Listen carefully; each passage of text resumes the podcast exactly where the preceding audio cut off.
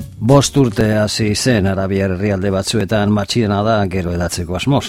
Egun, zer geratzen den horretaz gutxi, oso gutxi esan behar dugu, Arabiar uda berri ez.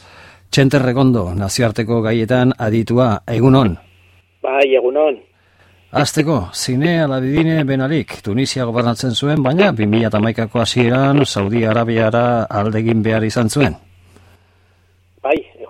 Bost urte pasabida eta, bueno, e, gara hartan ematen zuena iraultza sakon bat e, emango zula ez bakarrik Tunizian, gero ikusi izan genuen bezala ziren behintzat, ekialde urbilen eta zonalde osoan, ba, gero emaitzak eta fruituek aipatu duzuen bezala, ba, iaia, esortan gelditu ziren, ez? Egia da, ba, aldaketak egon direla, baino espero ez ziren aldaketak esan direla. Neretzat importante izan da, ziratik agian, ba, simplifikazio batean erori ziren askok eta askok, ez? E, ba,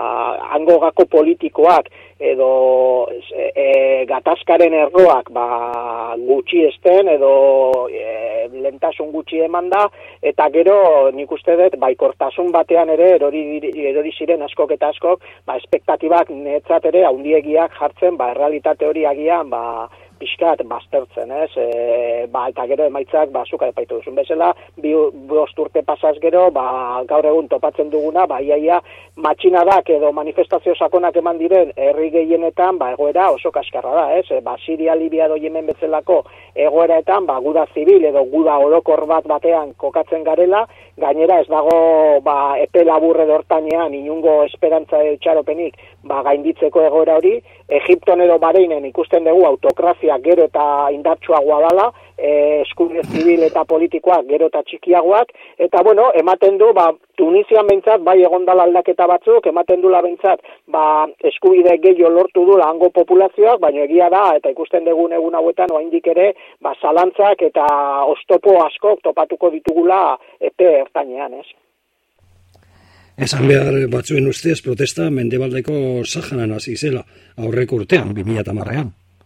Ba, hori da, ez, eta bueno, e, batzuentzat hori izan zan, e, oso importantea, gainera, jakinda, momentu honetan, e, mendebaldeko Saharan bizitzen den e, realitate diplomatikoa, ez, e, Europar batasuneko estatu askok eta askok kinuak egiten, baina era berean oraindik mantentzen, ba, harreman oso estuak e, Marrokosekin eta Marrokosen ikusi izan dugun gainera, baita ere hasi ziren protesta batzuk, baino bertako diktadore edo monarkak ba, gaitasuna izan dula pixkat baldintzatzeko protestoiek eta bere ganatzeko ba, ez dagit protestak, baino populazio importante bat bere aldekoa, ez eta e, mendebaldeko Saharan aipatzen duzun bezala, ba, bueno, begi biztan dago momentu honetan e, zein da negoera eta zenolako ba, pixkat e, basterkeri batean kokatu dute askok eta askok. Edo zein kasutan, Tunisian hasi edo, e, gero, Libia, Siria, Yemen, Udaberri, Arabiarra hasi zen duela bost urte. Bai, eta, bueno, topatzen duguna da gaur egun e, negu Arabiarra, ez? E, hango Udaberria pasa indala, e, ba, gako edo motibo desberdinen gatik, e, bareinen kasuan begibistan zan, ba, zare Saudi Arabiaren parte hartze zuzena mendebaldeko babesarekin, ba, bueno, e, zuntzitu zuten bertako mugimendu demokratikoa, ziitaren aldekoa zana, gero ikusi izan genuen kontrakoa, ez, Siriaren parte hartzea ere izan dela oso bortitza, Libiaren kasuan betzela, eta hemengo bi errealitatetan, ba, mendebaldeko jarrera oso oso importantea izan da, zeren azken zinean, e, e, regimen aldaketa bat egin zuten, Gaddafi eta Lasaren kontra, eta argi dago, ez zeukaten inungo asmorik, edo ez zeukaten inungo rekambio fijorik, ez, nahi zuten, e, lehenengo lerrotik kendu bi, aipatutako bi protagonistak, baino e, inungo alternatibarekin, ez? Eta begibistan dago gainera, zenolako jokaldiak egin dute bi herri horietan, eta zene jokaldi horrei esker, ba, nola, jihadismo inguruan kokatzen dire, mugimendu desberdinak, basatienak, ba, lehenengo lerrotan, eta nagusitasunak e, adirazten digute e, egun hauetan, ez? Bai zilaren kasuan, eta bai libiaren kasuan. Berez, mendebaldetik esan beharra dago, ba, olako jokaldiak, komatxo artean, ba, ondoriak oso larriak ekartzen ditu. Ez bakarrik e, zonalde horretarako, baita ere Europa osoan zehar ikusi izan dugu e, torkinen inguruko edo errefusiatuaren inguruko ikanikak, ikusten dugu baita ere Estatu Islamiarraren presentzia gero eta nabariagoa Europan bertan, Pariseko ekintzak edo egun hauetan bideo baten bitartez e, Britania hondiko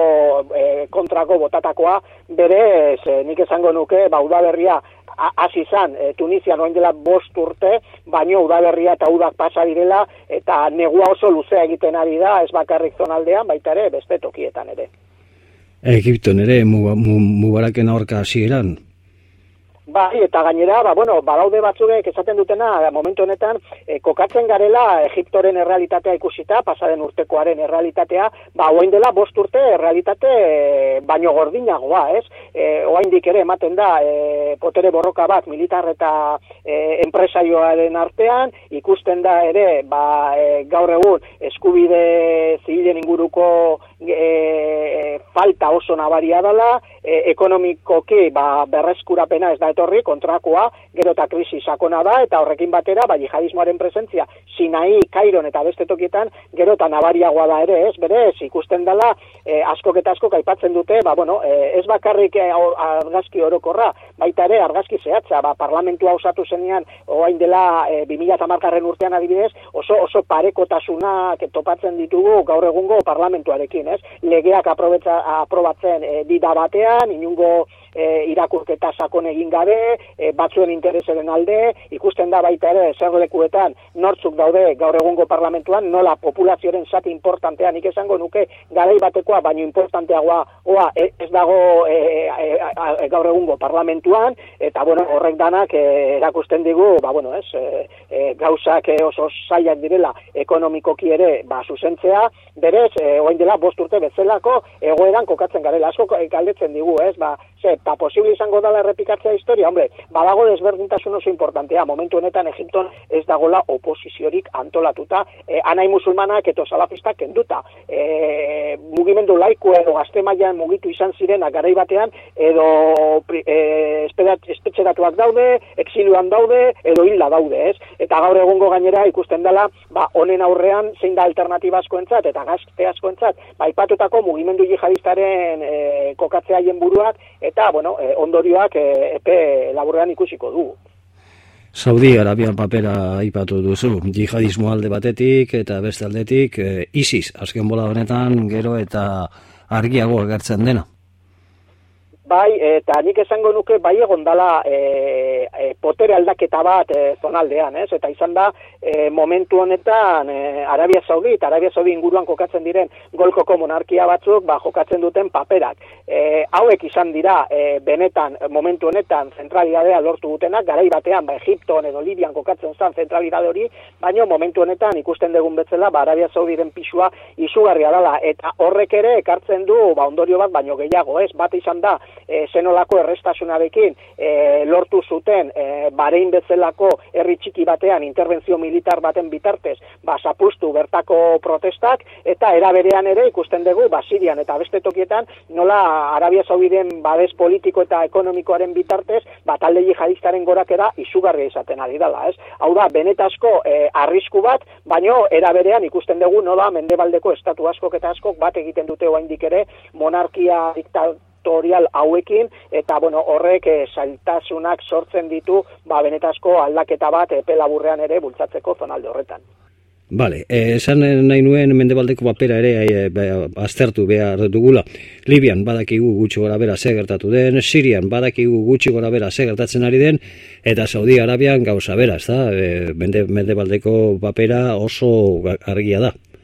Bai, eta leno aipatu duan bezala, ez? E, mendebaldetik bultzatzen duten estrategia, ni uste dut, e, kalkulo ezan egindako estrategia bada. E, ez dute benetan sakontzen bertako errealitatetaz, bakarri mugitzen dituzte haien piezak eta haien aliantzak e, mendebaldeko interesaren arabera, eta begibistan daukagu, e, zenolako errealitate eta argazki gordina topatzen dugu zonalde osoan. Libia, Yemen, bueno, Yemen pixkat astuta baukagu, han dagoenez eta pixkat urrunez, baina bai Libia eta bai Siriaren kasuan, ba, e, refusiatuaren uoldeak, e, zonalde osoan hankasgora jarri, eta gehien bat, leno aipatu dugun bezala baitare, ba, jihadismo transnazional, estatu islamiarraren kasu honetan, e, gorakada izugarria izaten ari dala, eta gorakada horrekin etortzen da, ba, gero eta realitate, ba, e, ba segurtasun eza errealitate bat, ez? Eta hori da, nik esango nuke, leno aipatu dugun duguna, ba, mendebaldearen akatz nagusetariko bat, baino ez akatz ba, gauzak usteagatik, baizik eta interbentzio zuzena egiteagatik,